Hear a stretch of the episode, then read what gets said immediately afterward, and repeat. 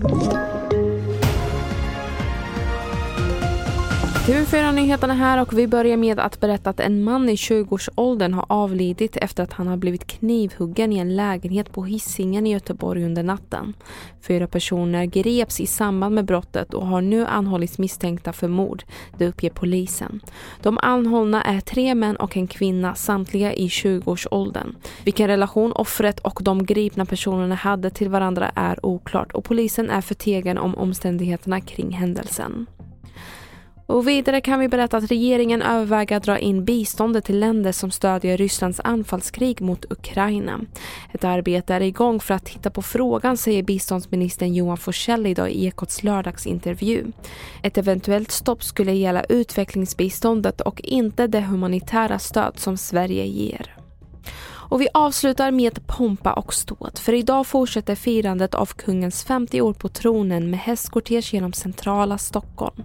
Igår hölls gudstjänst i Slottskyrkan och konsert på Yttre Borggården. Till kvällen bjöds det på jubileumsmiddag i rikssalen på Stockholms slott och i sitt tal vid banketten hyllade prinsessan Victoria sin far. Pappa, jag minns så väl hur det var att ta rygg på dig i skidspåret och på vandringsleden.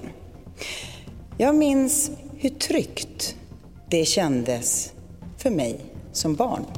Samma trygghet känner jag idag som vuxen när jag följer dig i din gärning som Sveriges kung. Fler nyheter hittar du på tv4.se och jag heter Merjem Jamil.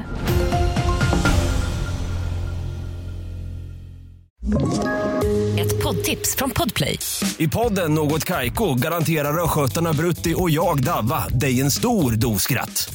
Där följer jag pladask för köttätandet igen. Man är lite som en jävla vampyr. Man har fått lite blodsmak och då måste man ha mer. Udda spaningar, fängslande anekdoter och en och annan arg rant. Jag måste ha mitt kaffe på morgonen för annars är jag ingen trevlig människa. Då är du ingen trevlig människa, punkt. Något Kaiko, hör du på Podplay. Därför är gardinerna.